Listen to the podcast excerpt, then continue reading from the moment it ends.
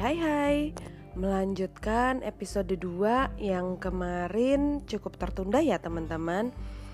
Waktu beberapa waktu lalu uh, di salah satu grup yang ada di tempat saya sempat ngobrol tentang yang namanya asumsi. Nah apa sih asumsi itu? Menurut beberapa sumber yang saya cari Salah satunya nih menyebutkan bahwa asumsi itu adalah suatu anggapan atau dugaan sementara yang belum dapat dibuktikan kebenarannya serta membutuhkan pembuktian secara langsung. Namun, ada juga nih yang mengatakan asumsi itu adalah suatu tindakan memperkirakan keadaan tertentu yang belum terjadi. Wow, cukup beresiko juga ya.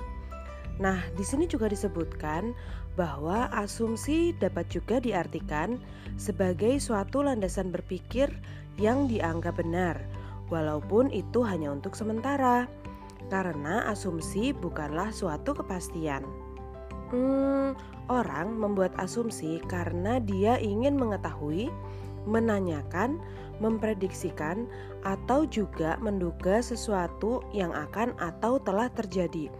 Wow, apa yang terjadi ya jika orang terlalu sering berasumsi?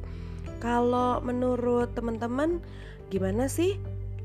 Kira-kira membuat asumsi itu berbahaya atau gimana? Boleh deh yang mau bikin opini seperti biasa bisa japri ataupun kirim email ya. Oke, okay, untuk membahas asumsi cukup sekian dulu. Buat teman-teman yang mau lempar opininya, seperti biasa bisa kontak ya. Selamat beraktivitas teman-teman.